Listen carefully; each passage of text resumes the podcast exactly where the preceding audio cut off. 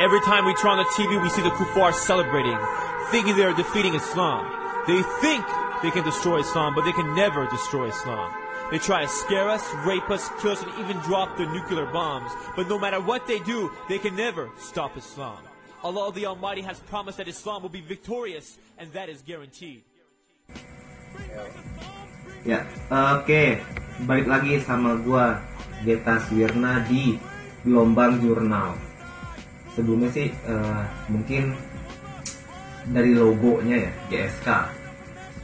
Eh, GSK itu sebenarnya nama gua sih, inisial gua Geta Sunakoto. Koto itu dari mana? Itu dari marga gue orang Minang. Kalau di orang apa Batak kan biasanya kan marga sebutannya. Kayak misalnya Sibuan, Parindungan segala macem lah gitu cuman kalau gua sih nyebutnya itu suku suku koto gitu. nah hari ini ditemani lagi sih sama Ruli nih. Rulu, Assalamualaikum. Halo, Waalaikumsalam. Warahmatullahi ya eh, ini tema kita pada hari ini nih eh, terkait boombox Zain. Hmm. boombox Zain ini di mana di tahun tahun berapa lo ya awalnya? 2013 2013 itu sebenarnya sih atas inisiasi gua dan gua melibatkan teman-teman gua kayak eh, si Ruli, Doni, Gatra, Belly dan lainnya lah dengan eh, tujuannya itu adalah yang pasti sih paling pertama untuk eh, menumbuhkan niat baca dan menulis pada waktu itu terus selanjutnya eh, memperkenalkan ke publik juga sih terkait komunitas gua dan Ruli dulu. Nah, seiring jalannya waktu cuman sampai berapa eh, episode ya Ruli kita ya? Iya, cuman 4 apa apa 5 Ya empat ya. Nah, abis itu vakum tuh di 2015 18 sih vakum 2000 mau 2015 kan ya mau 2015 ya. Nah habis itu Ruli kontak gue. Bang gimana eh bombok Zain itu eh, kita bangkitin lagi. Cuman temanya nggak kayak dulu lagi ya kan? Kita lebih ke arah eh, pergerakan Islam atau pemikiran Islam ya Eh, terkait yang dikenal di kalangan muslim itu Ghazul Fikr atau perang pemikiran terhadap pemikiran barat yang memerangi pemikiran eh, umat Islam. Contohnya adalah misalnya jenggot sana cingkrang. Wah teroris nih orang. Radikal nih orang. Konservatif nih orang. Fundamental nih. Nah, biasa kayak gitu kan. Nah akhirnya pada waktu itu gue langsung iyain kan dulu eh oke tuh bagus Iya. juga gitu kan. Oke bagus juga. Nanti gue bikin ininya atau gue kan eh, apa ya eh, disclaimer bahwa tulisan-tulisan di Bumbok Zen ini nggak kayak dulu lagi gitu. Udah berubah gitu Eh, apa konten isinya itu berubah gitu. Sempat kita eh, produksi itu dua kali loh yang udah berubah itu ya? Iya. Dua kali. Nah untuk kawan-kawan yang nggak tahu yang namanya Zain itu mungkin gua terinspirasi juga sih. Nggak gue pungkiri pas gua di Bandung ataupun di Serang terhadap eh, komis-komis punk, hardcore, skinhead dan lainnya gitu. Em, apa? Em, makanya gua waktu itu dulu 2013 eh, pengen punya fansign juga lah nanti gitu. Nah yang Iya. gue pengen tanyain sekarang adalah eh, apa gitu yang lo pikirin ketika lo nanya ke gua gitu dulu bang em, box bangkitin lagi yuk terus gue langsung ayo gue semangat gue orangnya ayo gitu. Pas 119 gue semangat gitu alhamdulillah ayo. Nah apa gitu yang bikin lo pikiran lo bangkitin lagi nih saya ini. Ya eh, lah jadi gua dapet eh, Zain. Itu namanya Zasab Chaos. Oke itu ini Nah. Ustaz Aik Iya dari Ustadz Abdurrahman Aditya Abdurrahman Iya. bisa disebut Aik. oke Nah ternyata singkat cerita gue baca kok ini kayak Zain yang pernah gue bikin tapi ambience-nya beda. Nah dari situ gue mulai uh, telusurin beberapa jilid uh, cetakan dia gitu ya. Ada di website kebetulan Hmm. ada PDF-nya gitu. Nah dari situ gue langsung apa istilahnya bangkit lah gitu ya, kayak kesetrum lagi gue gitu. Ini kayaknya harus ada yang bikin deh gitu. Iya. Ngelihat memang eh, di Serang Banten khususnya gitu Serang Cilegon itu nggak ada. Setahu gue sih nggak ada. Ada juga yang bentukannya eh, formal-formal gitu deh kayak bentukan kampus kayak gitu-gitu ya. Hmm. Ya, gue pernah cerita sih sama teman eh, kantor gue ya kalau selalu ya.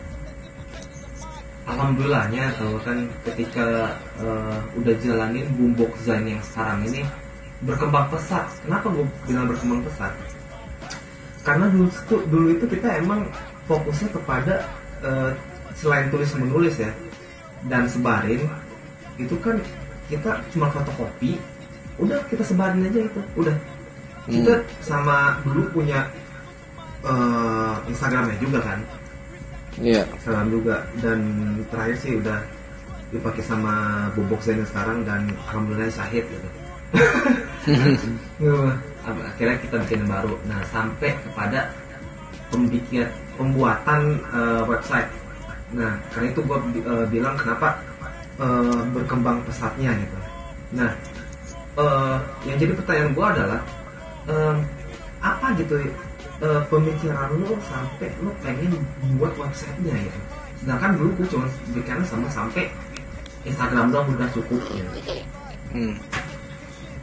Di yang perlu diperhatiin itu kan eh, ada namanya kalau penulisan butuh kanal gitu ya. ya Nah, kanal ini bisa di mana aja sih bebas gitu ya.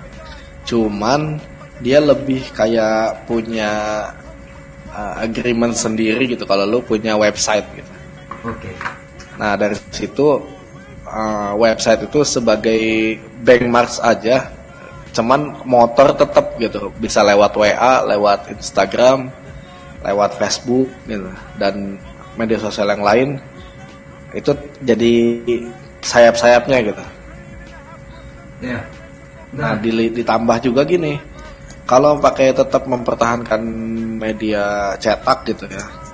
Itu sih bagus gitu ya. Ah, dia punya momentum tersendiri, ada sentuhan fisik dan lain-lain, tapi ah, kita tidak bisa menjangkau lebih jauh gitu. oke Nah, s- ditambah ini medannya udah beda gitu. Era disruption ini kan setiap detik itu diserang lagi opini gitu. Nah, ini kalau nunggu harus cetak kayaknya kehabisan waktu. oh iya sih iya. Nah, Oke.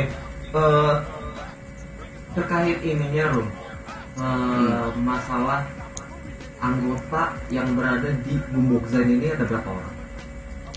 Eh, penulisnya gua, ah, lo, si Dian, ada Albi. Ada empat ya? Nah, ada empat.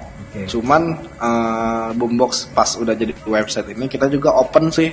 Kalau ada yang mau nulis bisa gitu. Insya Allah kalau sesuai kebetulan temanya kita butuhkan, insya Allah lebih cepat bisa naik gitu. Dan itu udah beberapa orang ya, udah tiga orang yang eh, kita naikin di Boombox Zain.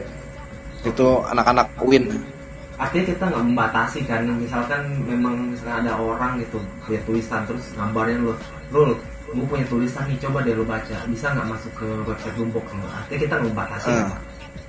Iya. Ya. Nah, untuk sampai sekarang gitu, yang apa? eh yang gue tahu ya, yang di Instagramnya Boombox itu, yang di luar anggota Boombox itu baru satu orang sih yang gue lihat cewek yang terkait Islam di Afrika.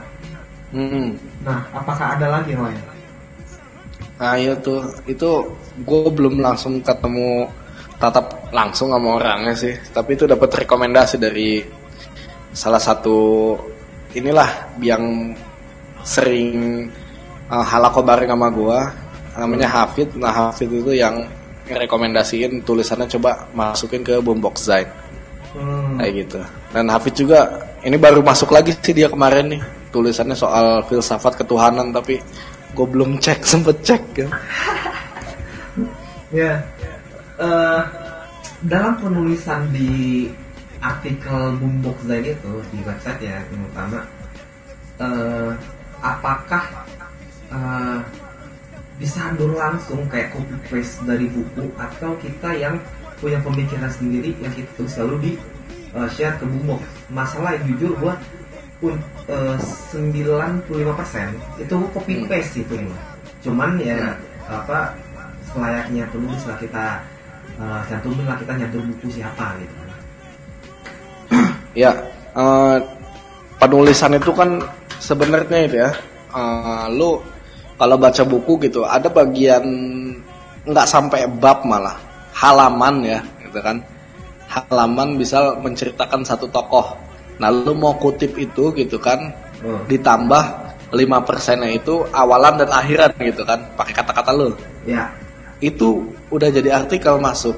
Yang penting si apa kutipan pembahasan yang di buku itu dicantumkan gitu ke uh, footnote-nya gitu. Ya, ya. Semacam seperti itu. Masalahnya sih kalau gua pribadi ya yang tulisan gua sendiri gitu atas pemikiran gua yang gua pernah share ke lu yang pernah di share juga sih yang di akun Instagram Metalimport yang apa? Ehm, aduh. Sih. Yang terkait ini loh eh, kita tuh harus menyampaikan walaupun satu ayat ya.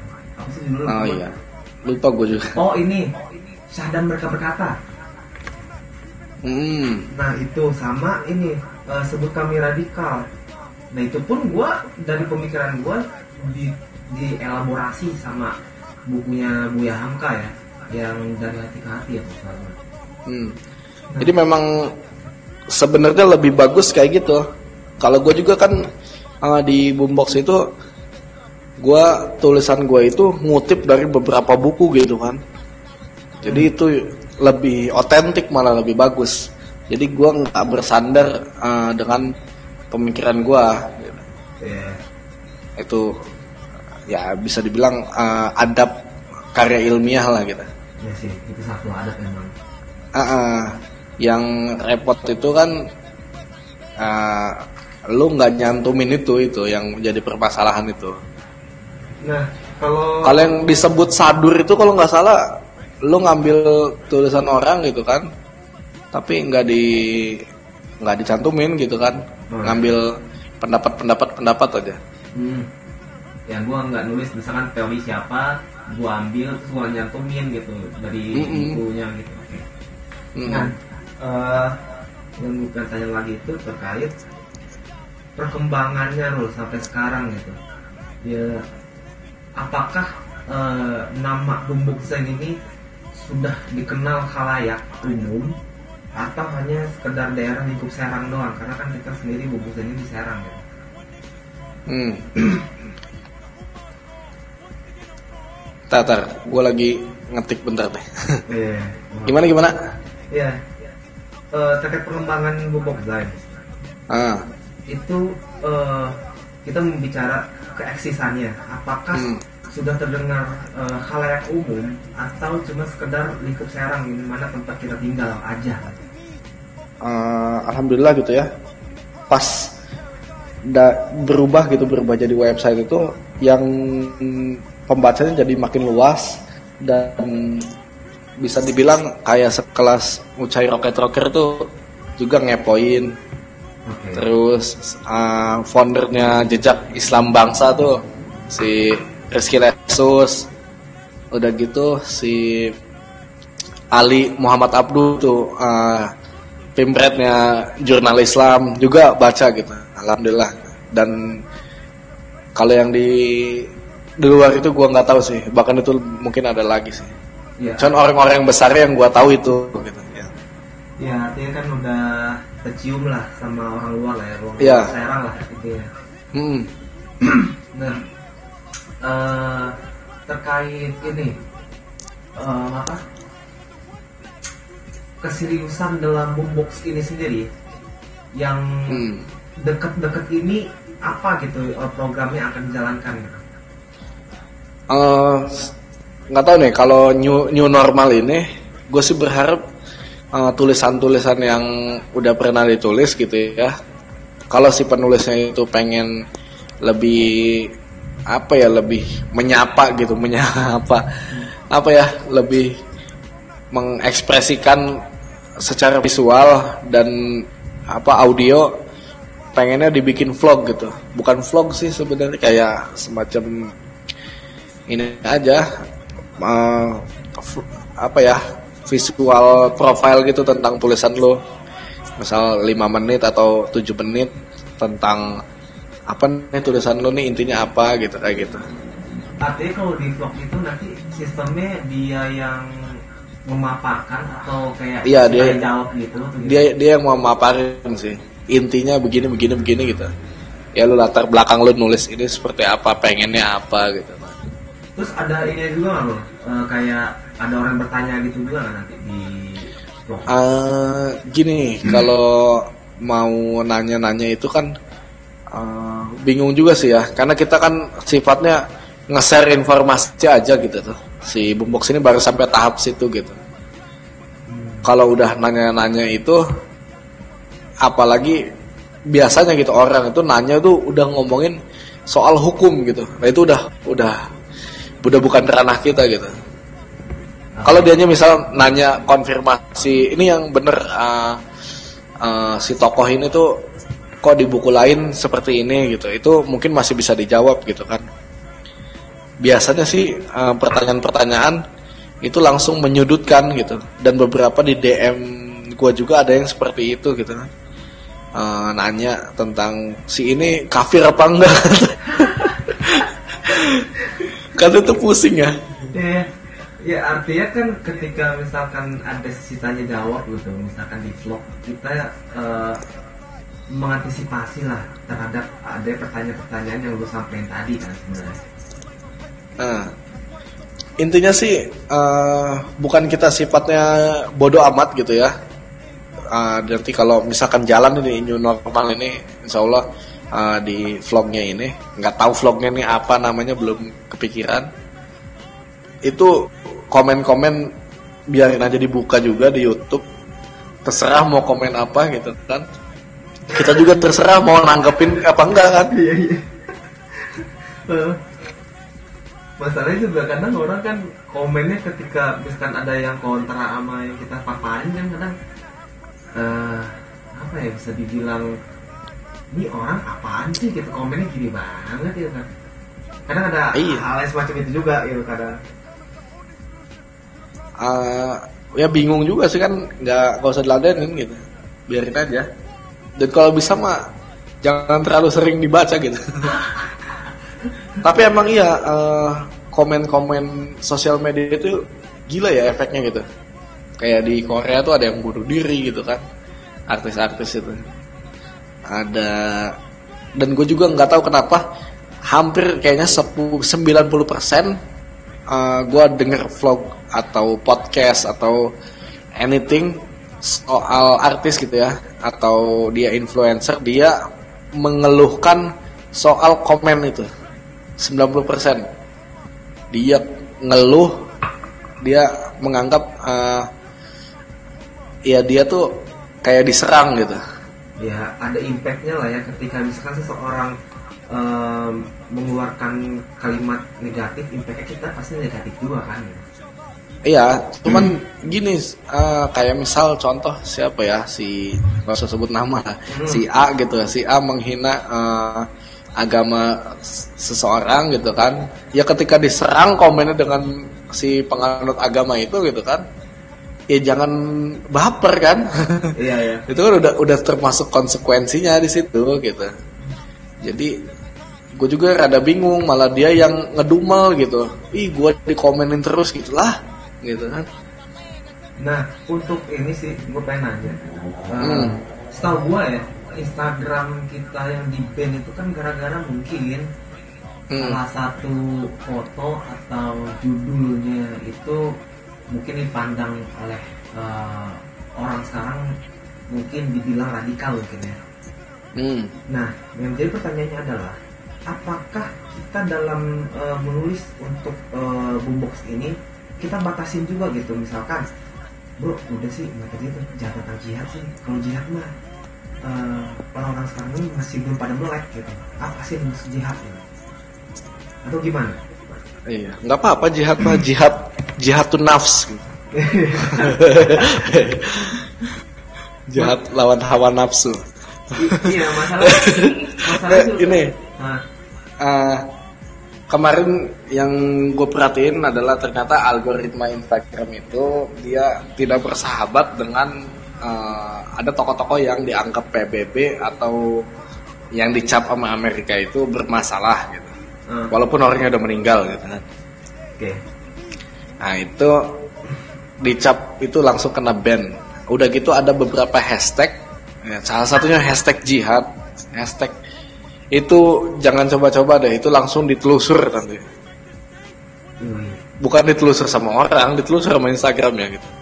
intelijen Instagram lah ya Ah, ah, kayak apa istilahnya?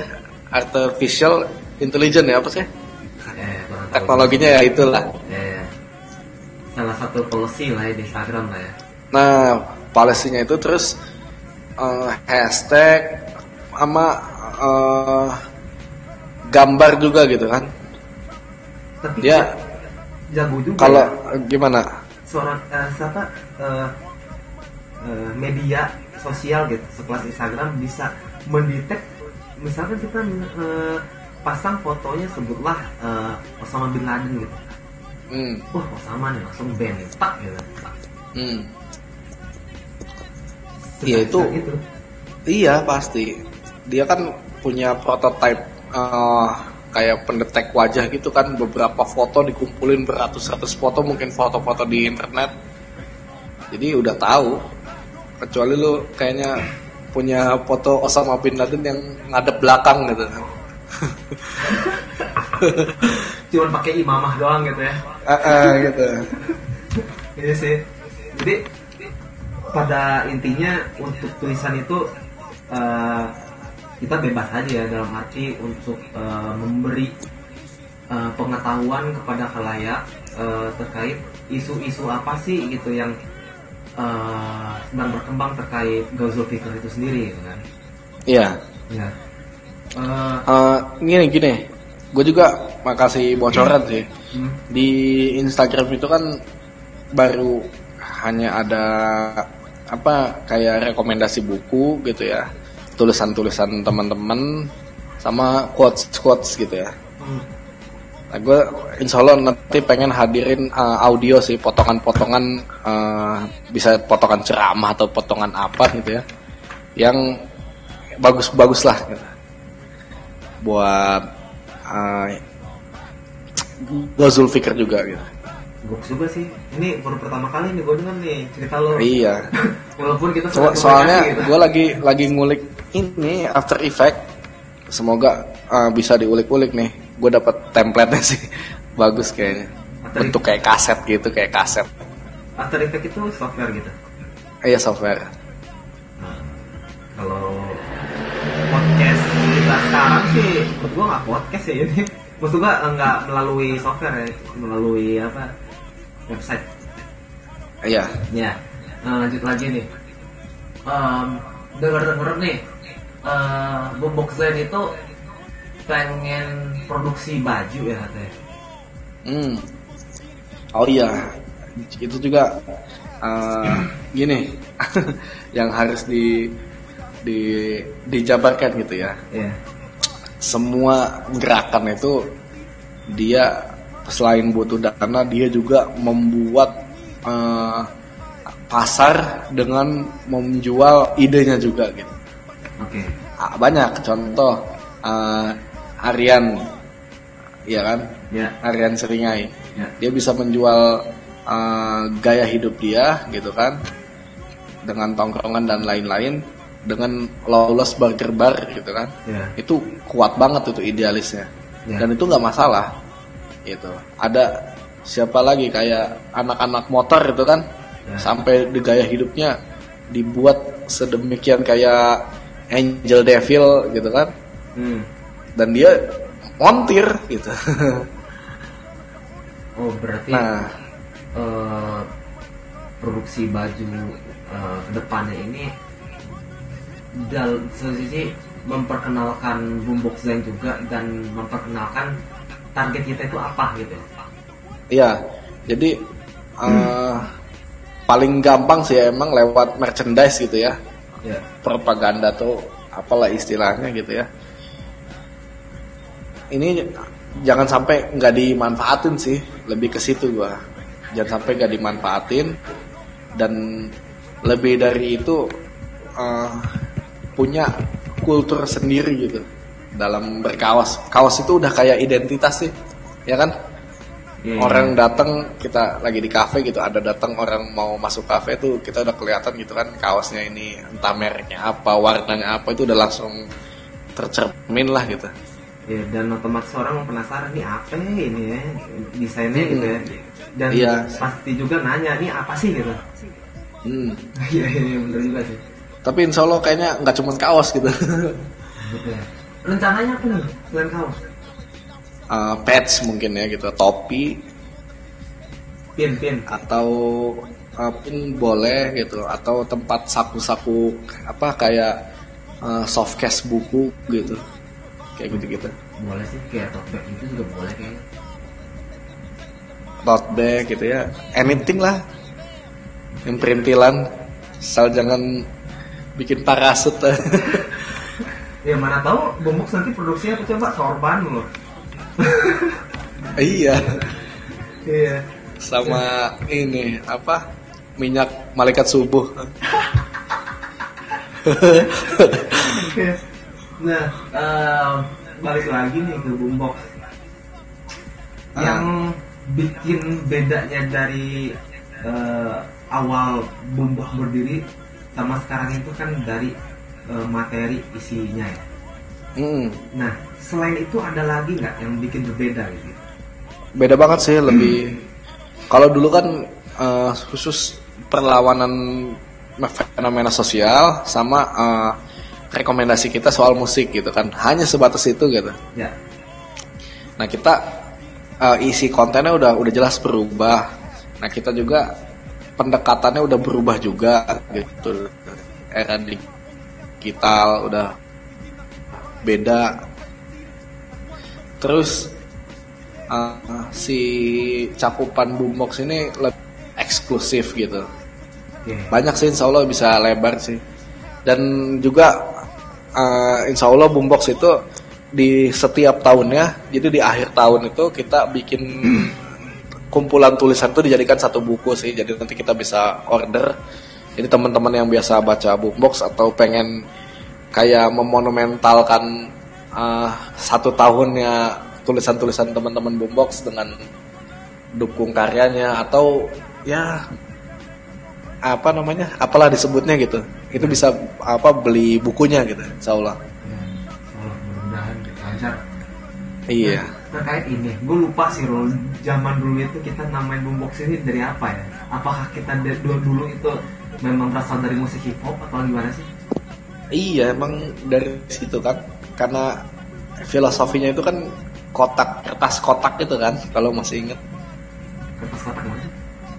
pas lu ngelipat kertas gitu kan A4 itu dilipat-lipat nah ini box gitu kan kotak Oh. kenapa nggak diambil filosofinya uh, boombox gitu Iya iya. iya. kalau orang hip hop itu kan datang bawa boombox itu udah kayak bawa apa gitu kan Iya. Nanti zaman dulu itu ya, Rul, gue ngedit ngedit tulisan terus di fotokopi terus dilipet-lipet itu awalnya dari Words loh, Microsoft Word. Nah waktu Iya. yang dua dua kali terbit ini kita yang waktu yang boombox yang baru ini pak, masih pakai Word apa gimana sih? pakai Sara kalau nggak salah kayak Corel gitu Hmm. Hmm. itulah ketidaktahuan gue sih dulu dulu sempet sih ngasih tau gue eh, bikin pakai ini bang tuh uh, InDesign ya kalau nggak gue iya. Nah. gue juga nggak- terlalu jago itu. Iya. Nah em, untuk boombox sendiri em, sekarang itu masih produktif nggak untuk mengeluarkan tulisan-tulisan barunya? Eh, ya, insya Allah abis ini kan habis lebaran ya, insya Allah mulai aktif lagi. Biasanya sih kan setiap bulan itu ada 10 tulisan ya. Sebulan ya? Iya, 8 lah, 8 tulisan, 8. Tulisan lo kebanyakan yang di bobox semua? Ah, iya sih, nulisnya langsung banyak. Sebenarnya sih itu tahu nggak? Itu catatan-catatan. Jadi gua ada ada pengen mau nulis buku gitu ya. Udah udah nyusun berapa halaman gitu. Ah, udahlah gue potong dulu dari sini gitu. jadi gue terabaikan jadi jadi apa keropos semua bukunya udah jadi dilepas jadi tulisan lepas semua. Ibarat kata lo secara tidak langsung eh, mengeluarkan rahasia lo dalam isi buku tulisan yang kedua ini ya? Iya, enggak sih kalau yang buku kedua nggak ada gua nggak ada nggak ada ngambil. Beda ini. Oh iya, buat kawan-kawan yang belum tahu, eh, Ruli ini salah satu penulis buku yang buku perdananya itu berjudul Serangan Muslim. Nah ini si Ruli lagi em, apa berusaha untuk menyelesaikan eh, buku keduanya. Kalau bisa gua tanya nih terkait eh, tulisan lo yang ada di buku sekarang nih di website menurut lo yang bisa dibilang mungkin gue bilang yang lu banget itu yang mana sih gitu tulisan lu gitu yang di web web uh, Boombox sendiri ya Hmm. itu yang mana tuh tulisannya Ada banyak sih sebenarnya. salah satu deh di antara banyak itu Hmm. Paling yang di kolom opini sih. Kayak ntar gua gua buka dulu. Gua lupa lupa juga sih. Ah, kayak akar dasar pemikiran barat itu the best juga sih kalau menurut gua. terus- ah. Terus deal of the century-nya gue kritik soal Donald Trump itu juga gue rasa bagus juga sih. Soalnya sampai dimuat di itu tulisan itu sampai muat di uh, websitenya uh, Jamaah Ansur Syariah kan. tapi yang menurut gue yang monohok ya tulisan lu itu yang judulnya Hah? mengorek tafsir al misbah Oh Karena- iya. Karena kenapa menurut uh, menohok? Mungkin salah satunya karena gua nggak terlalu fokus mencari apa uh, opini tentang tafsir al misbah ini atau gimana gua nggak tahu. Cuman menurut gua ketika lu uh, bikin tulisan itu menohok banget nih ke gua dengan sosok yang mufasir Indonesia gitu kan yang terkenal menurut Iya. gua. itu gue juga sebenarnya gitu kan. Ya tadi balik lagi itu kan eh, kutipan-kutipan gitu. Karena gue denger seminar gitu ya seminar soal tafsir al misbah itu. Terus eh, kebetulan ada bukunya gitu kan. Kita kita ini punya buku itu. Jadi eh, tinggal di combine aja gitu. Arah buku ini lebih lebih ringkasnya tuh ke mana gitu dan gue kasih poin-poinnya aja sih di situ sebenarnya banyak banget Iya, iya, iya.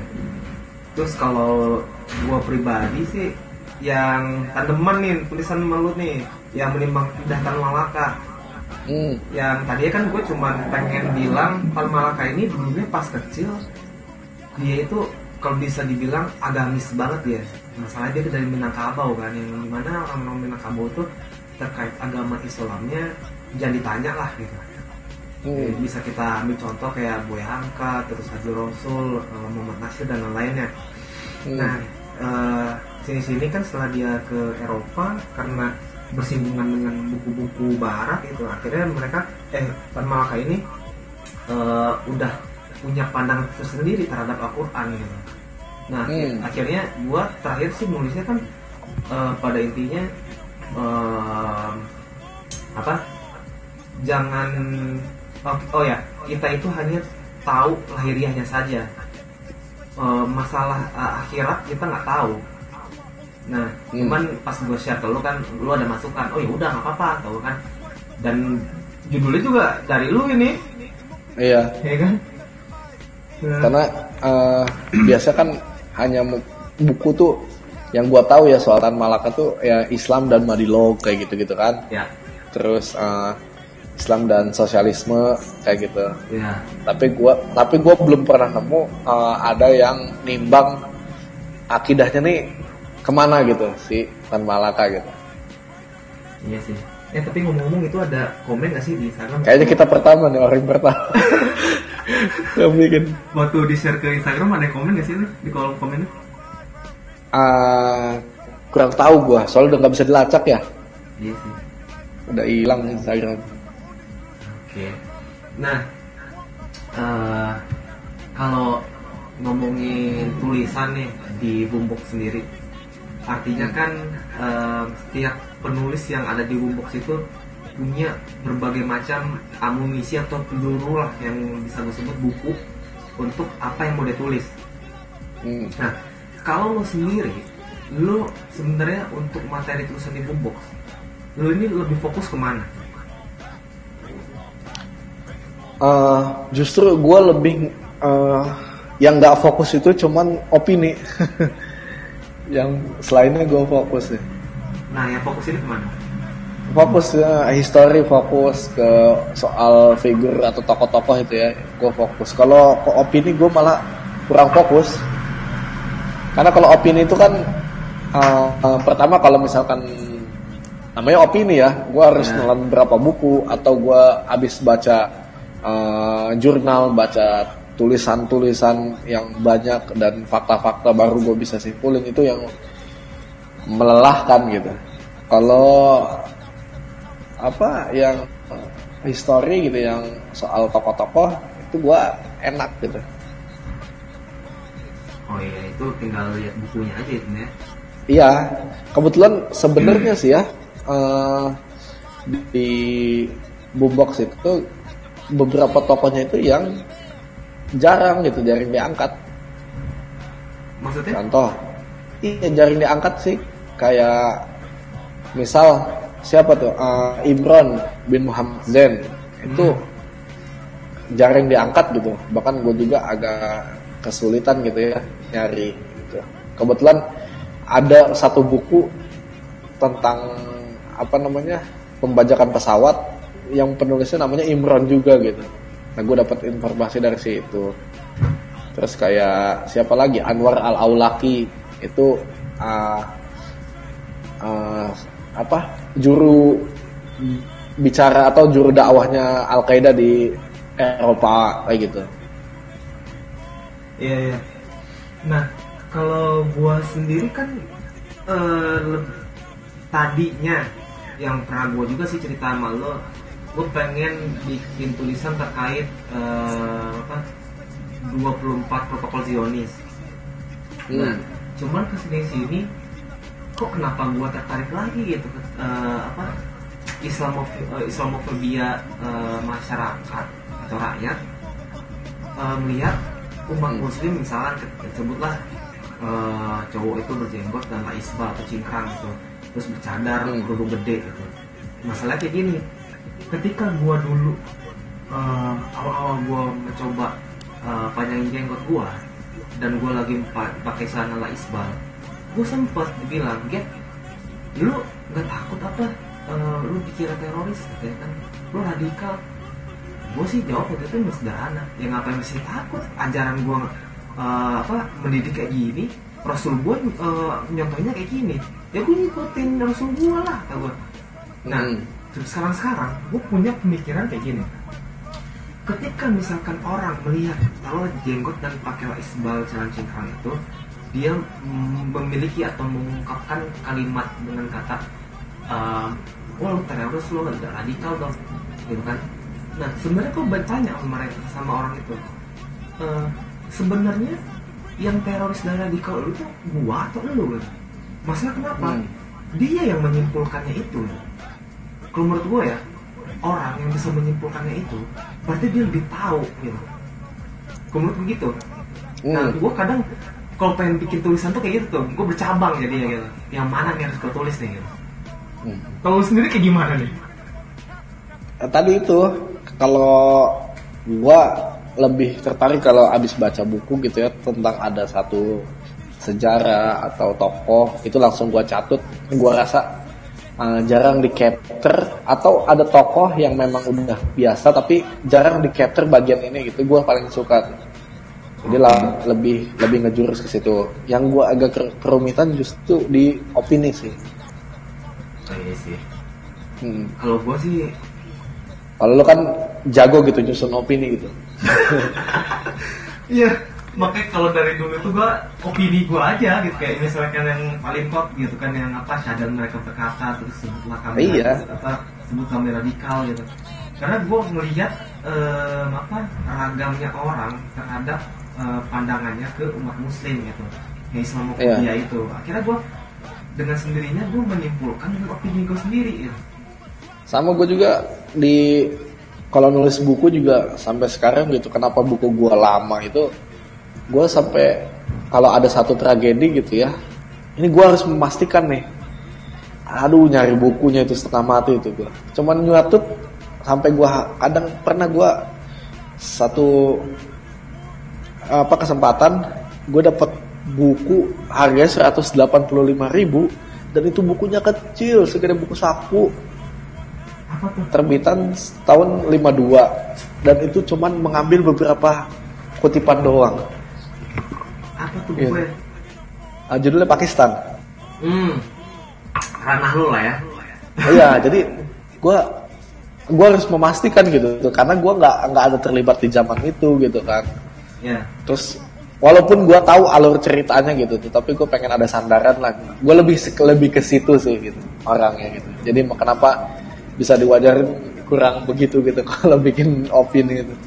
ya kadang gue juga gitu juga sih lo eh, mungkin karena lingkungan gue bukan lingkungan yang mayoritas orang sering mengikuti kajian mungkin ya. Hmm. bukan berarti gue eh, sering ikut kajian ya. Enggak juga gitu. Eh, makanya kadang ada orang-orang yang berpendapat gua eh, berpendapat miring terhadap gua. Gua kumpulin dulu tuh pendapat-pendapat mereka. Akhirnya gua simpulin. Nah atas simpul itu makanya jadilah opini gitu Hmm. sampai apa yang gua tulis itu yang sadar mereka berkata sama sama radikal Hmm.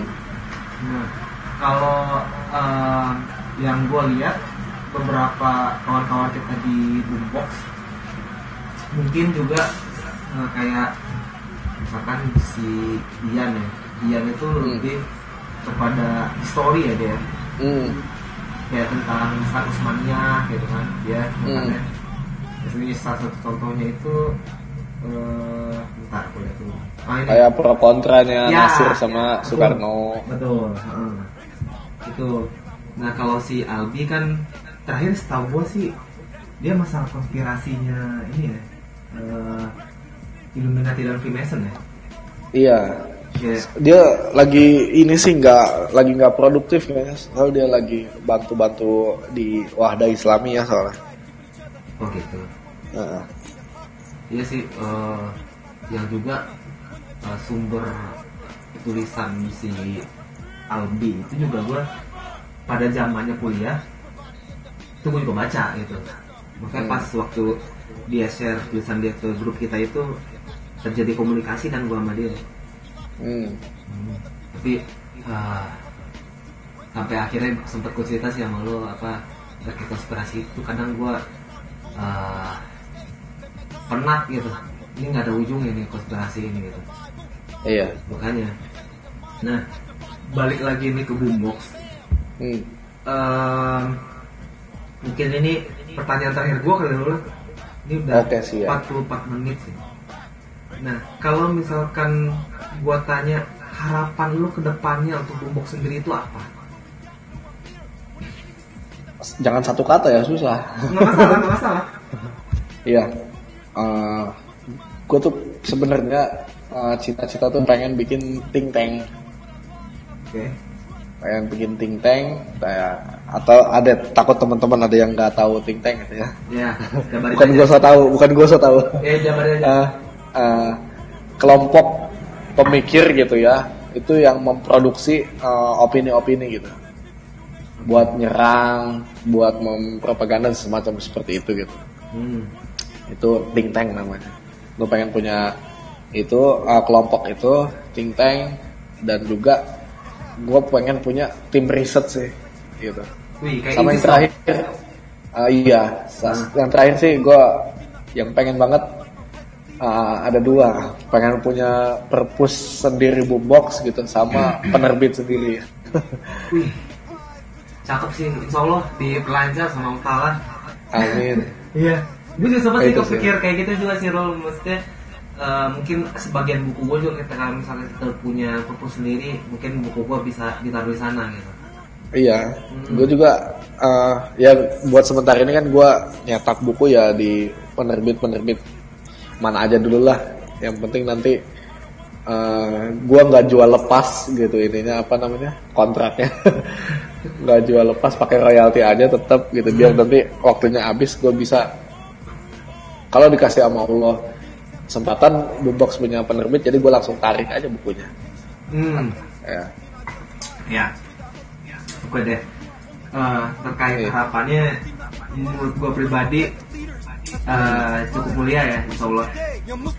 Nah, dan sebagai penutupnya gue ngucapin jazakallah khairul untuk Oh, iya. diskusinya. Ya, Assalamualaikum. Waalaikumsalam Allahu Akbar!